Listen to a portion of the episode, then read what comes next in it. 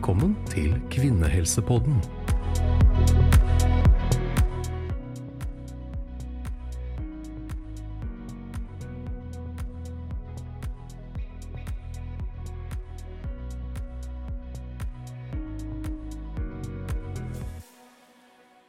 I forrige episode snakket vi med Tine Sande, seksjonsleder ved gynekologisk poliklinikk på Ullevål, om selvbestemt abort og prevensjonsskepsis. Tine gikk gjennom den kliniske prosessen en går gjennom når en tar abort. Men hvordan føles det egentlig å gjennomgå en selvbestemt abort? Det skal vi høre mer om i dag. Det er nemlig kommet en bok som handler om akkurat dette, i Avbrutt fortellinger om abort gir forfatterne June Holm og Vilde Bratland Hansen plass til kvinners personlige fortellinger. Og de presenterer også aborthistorie, forskning og litteratur om temaet. Velkommen hit, June og Vilde. Tusen takk. Tusen hjertelig takk. Hyggelig å være her. Det er tydelig at dere brenner for å snakke om tabubelagte temaer, som dere også gjør i denne boken. Kan dere fortelle litt om hvordan denne boken ble til? Da kan kanskje jeg starte med mye historie, da. For det starta jo med at jeg kom i en situasjon der jeg blei uønska gravid. Og det er jo lett å lage seg tanker, og der han kan synes og tenke hva vil jeg gjøre hvis jeg kommer i en situasjon der jeg blir uønska eller uplanlagt gravid. Jeg var en av de kvinnene som tenkte at de aldri kom til å klare å ta en abort, men da jeg sto der med graviditetstesten i hendene, så var det eneste som føltes rett, å ta en abort. Det var min sånn umiddelbare tanke, da. Og da ble jeg jo veldig overraska over meg sjøl, og ikke minst òg eh, alle følelsene jeg satt med, for sjøl om jeg følte at dette her var det eneste rette, så var det mye motstand inni meg òg. Ehm, det var mye ambivalens. Ehm, det var følelser som jeg ikke var forberedt på, og jeg så at jeg satt på altfor lite kunnskap om abort. Så jeg ble veldig kunnskapssøkende og så det at ehm, jeg egentlig ønska å lese ei bok da, om abort, og den fant jeg ikke. Jeg ønska å lese ei bok basert på kvinnens fortellinger. Og så har jo jeg og Vilde nå, da, etter tre års arbeid, skrevet den boka sammen. Eh, vi snakka med over 200 kvinner om deres erfaringer med abort, og det har da resultert i avbrutt. Så du måtte rett og slett skrive boka selv, som du savnet? Ja, det har vært en eh, lang prosess, og jeg ser jo det at sånn for eksempel med å kvitte seg helt med den skammen og skylden og alle de følelsene som jeg følte at jeg måtte rydde opp i, da det tok jo litt tid, det òg, og all den kunnskapen jeg ønska å få, hadde jeg jo ikke fått hvis det ikke var for alle de samtalene vi har hatt med alle kvinnene og fagpersoner nå. Og du vil det? Ja, min tilnærming til det her har jo vært å være venninne til mange som har gått gjennom eh, både spontan og provosert abort, for vi tar jo for oss begge deler i boka. Eh, og jeg syns det var vanskelig på en måte vite ja, hvor ofte skal man spørre hvordan det går, hvor lenge er det man ringer, eh, hvor lenge er det det her preger en person? Eh, og så så jeg òg på en måte hvor vanlig det var, da. Eh, og jeg ble sånn sjokkert over hvor lite jeg kunne om det her temaet, eh, gitt hvor vanlig det var. Så da June spurte om jeg ville være med å skrive boka, så var jeg ikke i tvil i det hele tatt. Eh, og så syns jeg jo på en måte det er veldig rart at vi snakker veldig om for og imot alltid når vi snakker om abort. At det er så lite prat på hvordan det oppleves å stå i den prosessen. Hvorfor snakker vi ikke mer om abort når det er så vanlig? Vi, vi har jo ulike teorier om hvorfor det er sånn, eh, og jeg tror mye av det handler om at abortdebatten også i Norge har vært veldig hard, og fortsatt tidvis er det fremdeles. Så jeg tror mange er redde for å bli møtt med fordømmelse når de forteller eh, om at de vurderer en abort eller har vært gjennom en abort. Um, og at ja, siden det ordskiftet har fått prege uh, hva vi forbinder med abort, da, så, så, er det vanskelig å stå fram og fortelle om sine erfaringer. Fremdeles i dag. Mm. Ja, jeg tok jo abort da i 2019, og da var det jo en mediestorm. Uh, da var det jo veldig mye i media parallelt, da, samtidig som at jeg gikk gjennom den aborten, og det kjente jeg gjorde det enda vanskeligere å åpne meg opp. Og så så jeg jo òg det at men hvis jeg syns det er så vanskelig å åpne meg, så må jo òg veldig mange andre kvinner få føle på det samme. Og jeg visste ikke at jeg hadde så mange nære personer som hadde gått gjennom abort, men da jeg begynte å fortelle, så ville de òg fortelle om sine erfaringer. Og så tenkte jeg òg at det er synd at noe som ja, ingen kvinne glemmer en abort. De husker det og tar det med seg videre i livet. At synd at noe En så stor ja, erfaring, da, kan en si, ikke er noe det snakkes mer om. For det er viktig å bearbeide det òg, hvis en har vanskelige følelser knytta til det. Så mm, for meg så var det i hvert fall ingen tvil om at eh, for og imot og debatten i media var med på å gjøre det vanskeligere å dele det her. Og en annen ting òg er jo på en måte at de typiske idealene vi har knytta til det å være kvinne, det er at liksom valgene vi tar, det, de skal være omsorgsfulle, de skal være på vegne av andre enn oss sjøl. Og det å velge en abort, det strider jo eh, for mange, da, eh, med nettopp det idealet. Så det er jo når vi ser at mange kvinner forteller om i boka. Eh, at man føler seg egoistisk, man velger abort fordi man føler at det er riktig. At man ikke har gode grunner nok, da. Så det er en gjenganger at da er det på en måte lettere å holde kortene tett inntil brystet og stå i det i ensomhet, da. Og at veldig mange kvinner føler at de er uansvarlig når de havner i den situasjonen at de er blitt uønska gravid. Og det er jo kjempesynd at uh, alle som er reproduktive, uh, og når to reproduktive kropper går sammen, kan jo ende med at det blir en graviditet, enten man bruker prevensjon eller ikke. Mm. Og så er det jo da veldig synd at uh, det kan handle om flaks eller uflaks, men likevel så er det så mange som føler at de har gjort feil, at de er uansvarlig, at, at de gjør noe som, som de føler At de har ansvar for, på en ja, måte, og ja. at liksom Uh, ja, det er en sånn følelse av uansvarlighet, og veldig mange som sier sånn åh, oh, jeg, jeg, er jo ikke en sånn kvinne. Det her er ikke sånn som skulle skje meg. Uh, og det ironiske er jo på en måte at alle sitter og sier det. Men det kan skje alle. Uh, og én av tre uplanlagte graviditeter så har det vært brukt prevensjon, for eksempel. og, og det må vi snakke mer om. Dere har så mange eksempler fra så mange kvinner, så er det jo mange som da vil finne noe av denne støtten i boka deres, da, med å lese om alle disse historiene. Men tilbake til deg, June, når vi skal snakke litt om da du tok abort. Du snakket om valget først, hvor vanskelig det var. Hvordan var den videre prosessen for deg? Det var jo det at når jeg hadde bestemt meg, så var jeg jo ikke forberedt på at det skulle være så vanskelig, det å ha bestemt seg heller. Og det var jo spesielt da aborten ble gjennomført, at uh, da huska jeg jo veldig godt at jeg hadde behov for å trekke meg tilbake, uh, stå ansvarlig for det jeg gjorde, eller det, det som da skjedde, da, sjøl. Uh, jeg syntes det var vanskelig å slippe folk innpå meg. Og så huska jeg jo veldig godt ja, da det sto på som verst, da, med de blødningene. Og jeg kjente veldig tydelig at her er det noe som går ut av meg, og så plutselig så satt jeg på alle fire med hendene nede i doskåla og skulle ta tak i den klumpen som jeg kjente gikk ut av meg. Jeg hadde et behov for å liksom ta vare på den. Mm. Og det var jo en veldig sånn sjelsettende opplevelse. Mm. Altså at det skulle være så sterkt at jeg på en måte tviholdt rundt den klumpen, skylte av den, og jeg ville liksom bare ta vare på den for alltid, føltes det som. Eh, og så hadde jeg jo vært ganske lenge på badet, og så var det familie da, som var, var på besøk hos meg, som sa at nå, nå, må du klare å gi slipp. Men det var veldig vanskelig, og det var så Jeg var så lite forberedt på at jeg skulle få den opplevelsen òg. Eh, mm.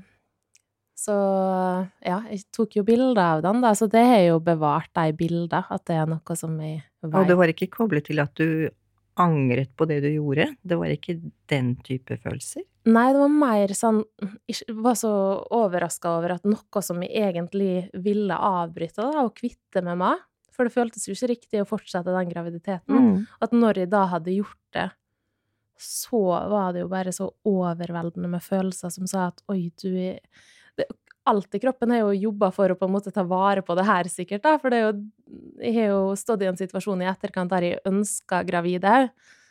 Og det er kanskje Det er jo veldig mye som skjer i kroppen hormonelt òg, mm. når en går gjennom Altså en graviditet, og òg det å avbryte den, da.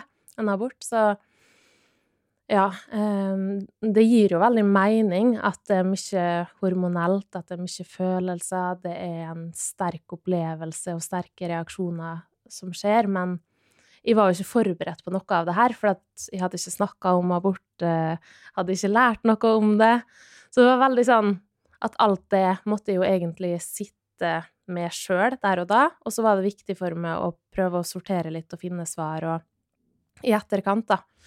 Eh, fordi jeg ønsker jo ikke at noen andre kvinner skal være så uforberedt på de reaksjonene og følelsene, og kanskje hvis de sitter, sitter med det, så er det i hvert fall viktig at de kan få snakke med noen, eller eh, noe da som er skapt ei bok, eh, ikke føle seg så ensom i den prosessen, for det kan være en veldig ensom prosess å ta abort, men det kjente jeg at det var veldig sånn viktig for meg å prøve å endre, at, uh, at en kan i hvert fall ha mer kunnskap, da, før, under og etter den aborten. Det er viktig. Absolutt. Og hvordan ble tiden etterpå for deg? Eh, det tok ca. to uker før jeg begynte å kjenne at nå går det bedre. At nå er jeg på en måte mer sånn kontroll over følelsene mine, da. At jeg var Følte på lettelse etter hvert. Uh, men jeg har kanskje tenkt at den lettelsen skulle sitte på meg mye tidligere, da. Men den kom etter ca. to-tre uker, da. Vilde, du har opplevd at du har vært mer en støtte for kanskje venninner og, Mm. andre som har eh, tatt abort. Mm, Kan du fortelle litt om hvilke erfaringer du har gjort deg? Ja, jeg husker jo den første telefonsamtalen jeg fikk eh, av en venninne som eh, hadde opplevd en spontanabort, da, men det var en sånn såkalt missed abortion, så hun var jo gjennom det samme systemet med piller og sånn som, eh, som June var. Eh, og hun var på en måte veldig sånn overvelda over hvor utrolig vondt det var. Eh, at hun var ikke forberedt Smertene. på smertene eller blødningene i det hele tatt. Så hun var veldig på sånn Det her skal jeg aldri gjøre igjen. Blir jeg gravid igjen, så nekter jeg å ta de pillene her. Um, så det var liksom mitt første møte med det, og hun sa liksom at én av fem mister i spontanabort. eller spontanabort. At det var veldig mye sånn Da jeg tok den telefonen, så var jeg på en måte ikke forberedt på at det var det som skulle komme. Eh, og jeg merka hvor på en måte svakt begrepsapparat jeg hadde, da, for å på en måte stille som en god part, eller sånn som en god støttespiller i, i den prosessen. Eh, så jeg husker at jeg ble veldig sånn bevisst på meg sjøl og sånn åh, hva er det jeg skal si? Hva er det som forventes av meg nå? Eh, så det ble veldig tydelig for meg hvor lite kunnskap vi har om det her.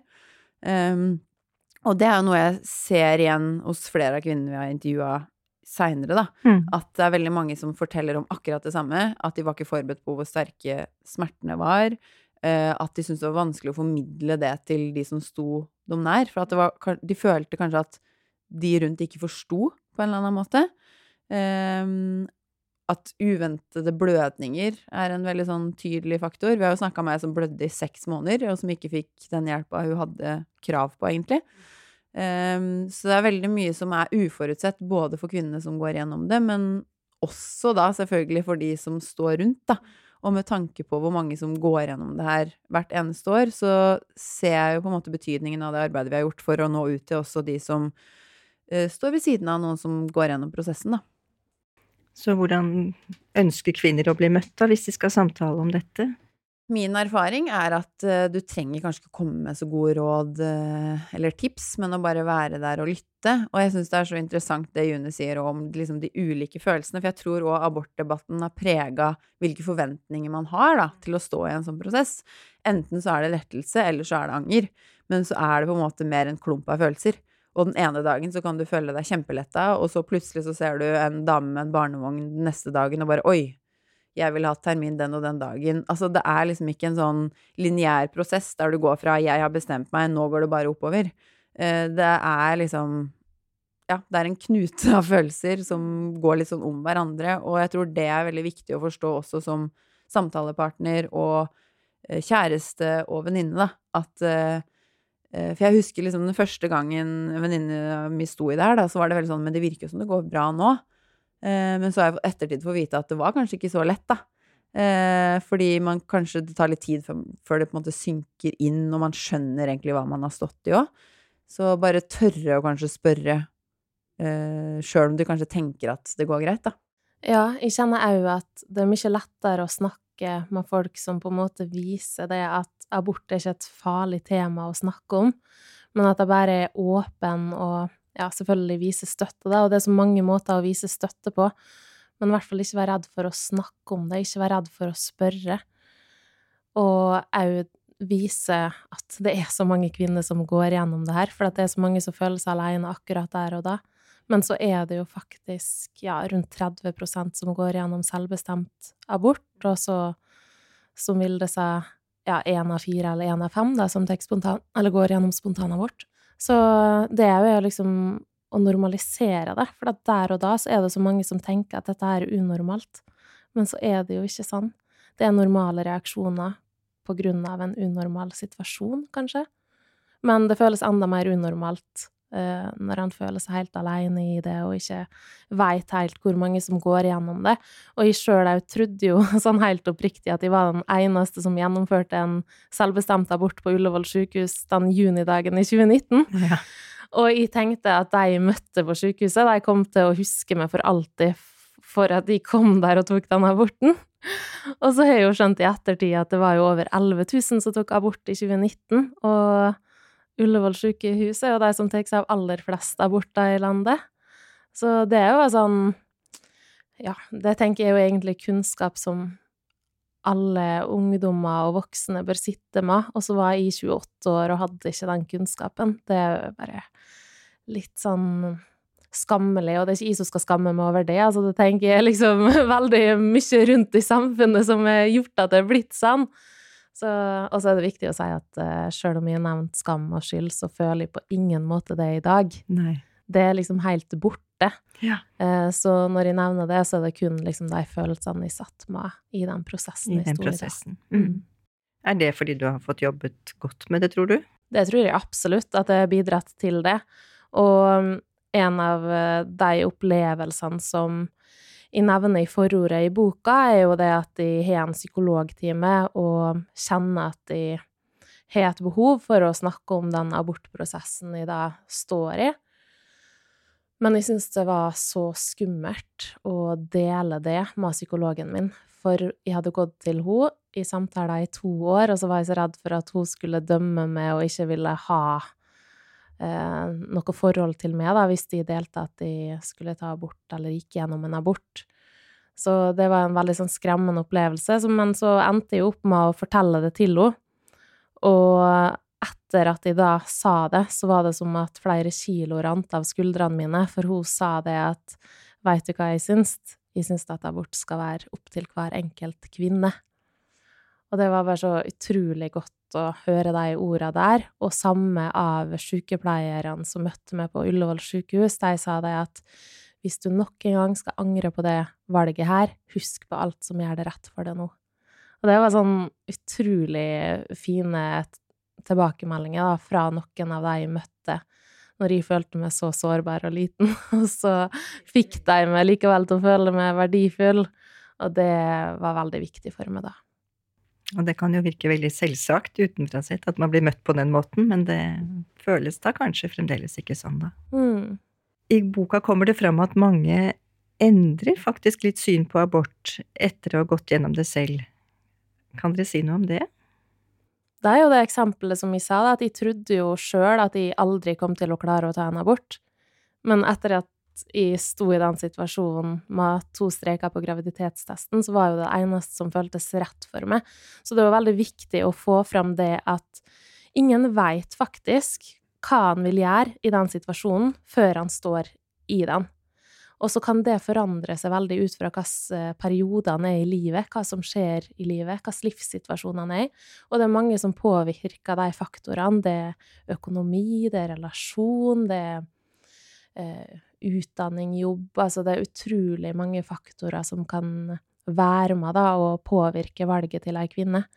Og det har jo vi forsøkt så godt vi kunne å vise alle aspektene, da. Det er så mange mm, situasjoner som gjør at Og ikke minst psykisk og fysisk helse òg. Absolutt. Og det tror jeg også sånn jeg ble gravid mens vi jobba med det bokprosjektet her, og jeg følte at det å stå med den graviditetshesten i hånda, det er en opplevelse som du nesten ikke kan skjønne før du står i den situasjonen sjøl. Eh, så ja, jeg kjenner meg igjen Selv om jeg ikke har tatt abort sjøl, så kjenner jeg meg veldig igjen i på en måte det at hver eh, situasjon der du står med den testen da, i hånda, den er unik. Og det er så mange faktorer som spiller inn, da, rett og slett. Dere forteller i boken at um, mange av kvinnene dere har intervjuet, var misfornøyd med oppfølgingen. Her har vi som helsearbeidere noe å lære. Eh, kan dere si litt mer om det? Det er jo mange som forteller at de føler at de blir møtt som det er, på, at det er et samlebåndsfølelse, da. At det er litt sånn robotaktig eh, kaldt. Eh, og, og det igjen, kan det jo lett bli når det er så mange. Ja, ikke sant. Det blir jo en hverdag, eller en sånn hverdagslig ting for de som jobber med det, selvfølgelig. Eh, men så tror jeg òg at det handler litt om igjen abortdebatten, da, hvordan den har vært. Eh, at det blir en sånn litt sånn misforstått nøytralitet fra helsepersonell sin side, fordi man er redd for å på en måte fremstå som man vil påvirke i en eller annen retning. Og så blir kanskje resultatet at man heller trekker seg unna. Eh, fordi etter en operasjon av et kne, for eksempel, da, så vil jo all omsorg bli tatt imot og satt pris på mm. av pasienten, mens i en abortsituasjon så kan det bli tolka som eh, Gjorde jeg det rette, gjorde jeg ikke det rette? At man som helsepersonell kanskje er litt redd, da. Og at vi kanskje må snakke mer om hvordan vi kan møte de pasientene med empati på en måte som gjør at man ikke føler at man blir veileda i en eller annen retning, da. Mm. Det tror jeg er en fruktbar vei å gå, i hvert fall. Eller at vi må ha en samtale om det på et eller annet vis. Ja, og så tenker jeg jo det at han er i en veldig sårbar situasjon når han skal ta abort, så behovet for emosjonell støtte er mye større enn hvis du eksempel skal ta en kneoperasjon, da. Så at hver kvinne går nok inn i det med veldig mye følelser og et uh, annet behov fordi at behovet, det er jo da at noen skal lytte, være til stede. Og så er det så vanskelig for de som møter kvinnen, å kunne ha mulighet til å lytte og være til stede, for de har ikke kapasitet til det. De har ikke ressurser til det. Så det er nok eh, det, da, at ehm, Ja, det, det kan jo da gjøre at i en sårbar situasjon så kan mange oppleve at de blir enda mer sårbar, faktisk, for at de ikke får den imøtegåelsen som de hadde ønska og håpet på. Og det vi ser i boka, er på en måte vi, Vår konklusjon er at hver aborterfaring er unik. Valget, prosessen og tida etterpå er unik. Og så har du da eh, sykepleiere som møter fire-fem kvinner som skal ta abort i løpet av en dag, Det for eksempel sånn som på Ullevål. Og du skal huske den unike historien til hver enkelt, du skal møte dem på en god måte. Det sier seg jo sjøl at det er kjempekrevende. Um, så vi har jo òg liksom stusser litt over, over at ene, det ene lavterskeltilbudet uh, for abort som finnes i Norge, Amathea, de har fått redusert sin støtte nå i statsbudsjettet i fjor, og nå igjen i år, da. Uh, så det er litt sånn interessant at den, den, organisasjonen som har på en måte kapasitet til å følge opp kvinnene og gi dem det som helsepersonell kanskje ikke har anledning eller ressurser til å gi, også på en måte eh, ikke får støtte. fordi vi ser jo igjen at får du ikke den støtten i valget, i prosessen og rett etter aborten er tatt, så vil òg eh, prosessen vare lenger. Man vil sitte igjen med de vonde følelsene lenger, man får ikke bearbeida det. Um, og vi var faktisk i møte med lederen til Amathea forrige uke, der vi snakka litt på det her om at uh, man ser kanskje ikke behovet fordi man snakker om psykisk lidelse, da, at man skal forebygge psykisk lidelse.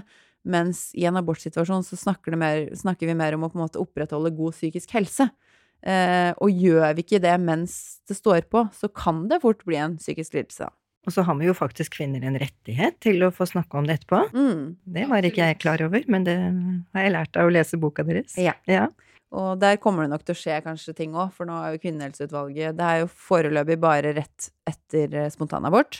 Eh, men i Kvinnehelseutvalget sin rapport som kom i februar i år, så argumenterte de for at det også burde være det etter provosert abort. Så det blei lovfesta rett oppfølging for spontanabort i 2020, men det er fortsatt ikke skjedd noe. Så, så, det håper vi virkelig at uh, abortutvalget, som skal komme med sin utredning i desember 2023, at de tar opp det her, og at ord kan bli til handling da, etter det.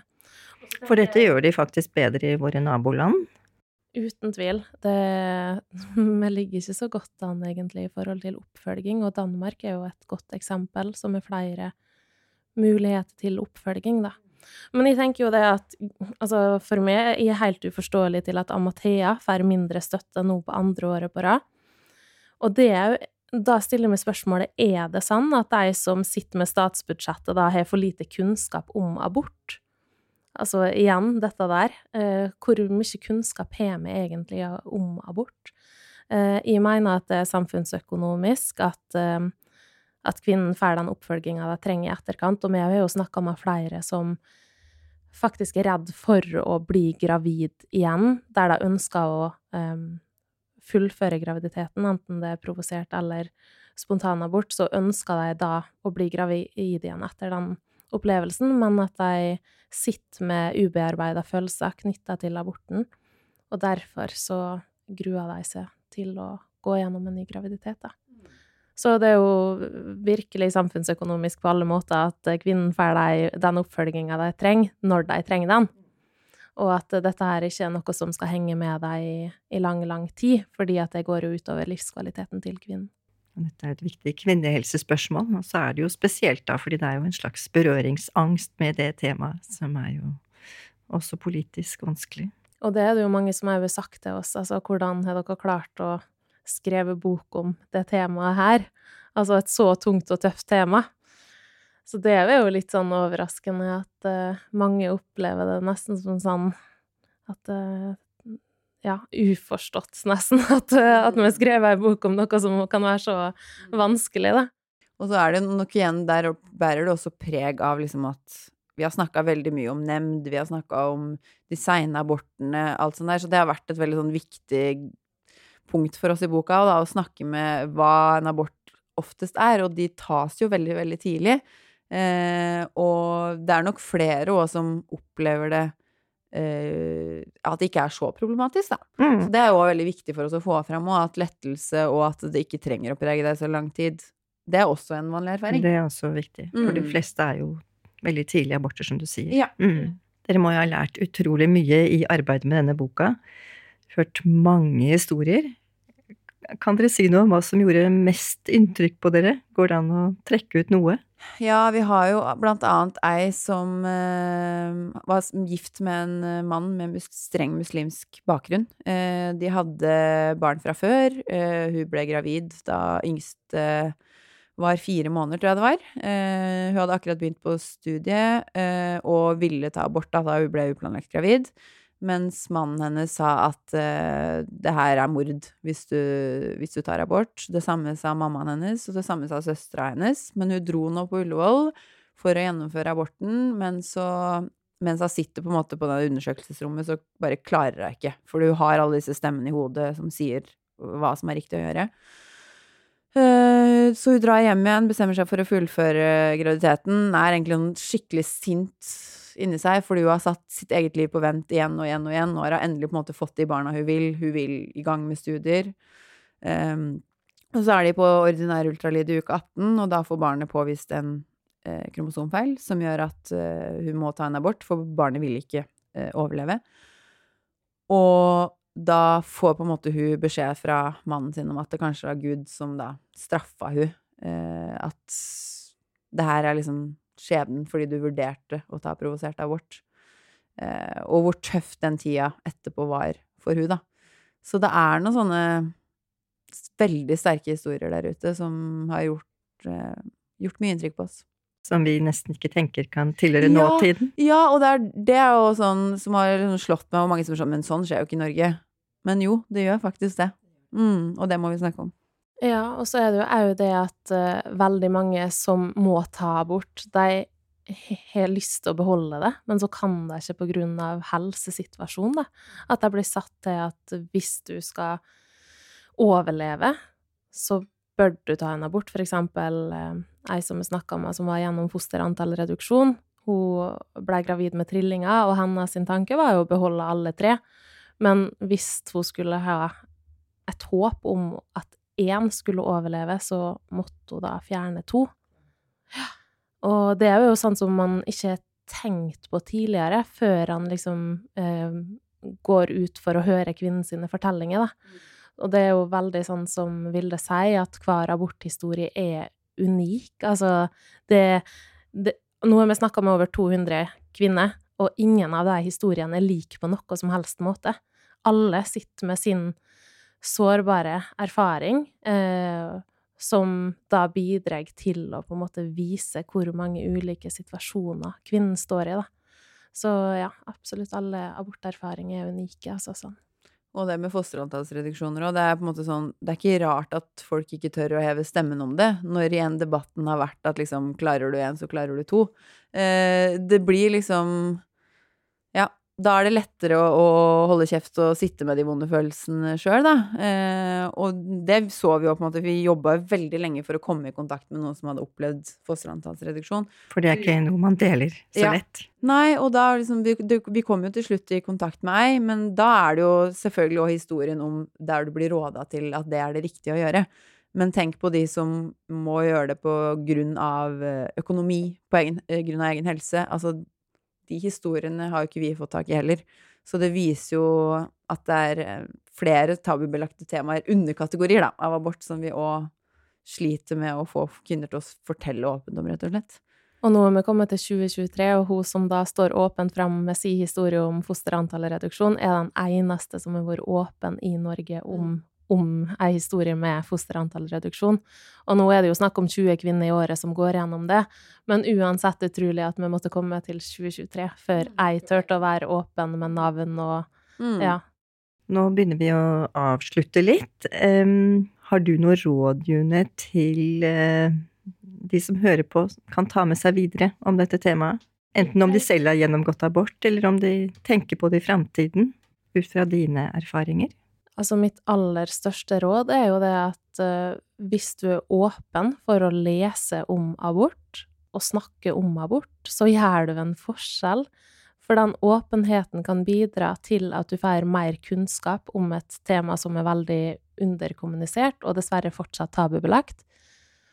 Og med å tørre å åpne munnen og snakke om det, så bidrar han til større forståelse og kunnskap om et tema som som det trenger Ja, vi trenger å snakke mer om abort, rett og slett. Løfte det frem. Mm. Ja.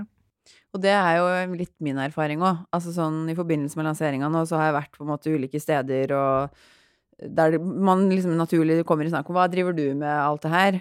Og jeg har en kneskade nå, eh, og var hos kiropraktor, og han kommer i snakk om hva driver du med, hva jobber du med til daglig? Så forteller jeg om denne boka, da. Og så bare sånn åh, tusen takk for at du har skrevet den boka. Mammaen min, hun var gjennom, eh, jeg tror det var seks spontanaborter før hun fikk meg. Det har prega hennes liv, men det har også prega meg. Og det er liksom så utrolig mange av de historiene vi møter på vei, så det viser liksom at det her er en erfaring de fleste har, eller kommer til å få i løpet av livet. Og da er det så godt å på en måte, hvis du har kunnskap om det fra før, da, hvordan du skal møte det på en god måte. Mm. Alle er jo enten direkte eller indirekte berørt av abort. Ja, det tror jeg man kan si. Mm, Dette mm, er noe som angår veldig mange. mm. Mm. Tusen takk til dere, June og Vilde, for at dere har tatt dere tid til å komme hit i en travel boklagseringstid. Jeg tror at med deres innsats så blir faktisk dette temaet mindre tabubelagt. Og jeg kan selv varmt anbefale boka, Avbrutt, både til deg som tenker på å ta abort, eller som har tatt abort, eller som kjenner noen som har tatt abort, og ikke minst til helsepersonell, som ønsker jo alle å gjøre det beste, men som ofte kan for lite. Så takk for i dag, takk for at dere kom. Tusen takk for oss. Tusen hjertelig takk for at vi kom.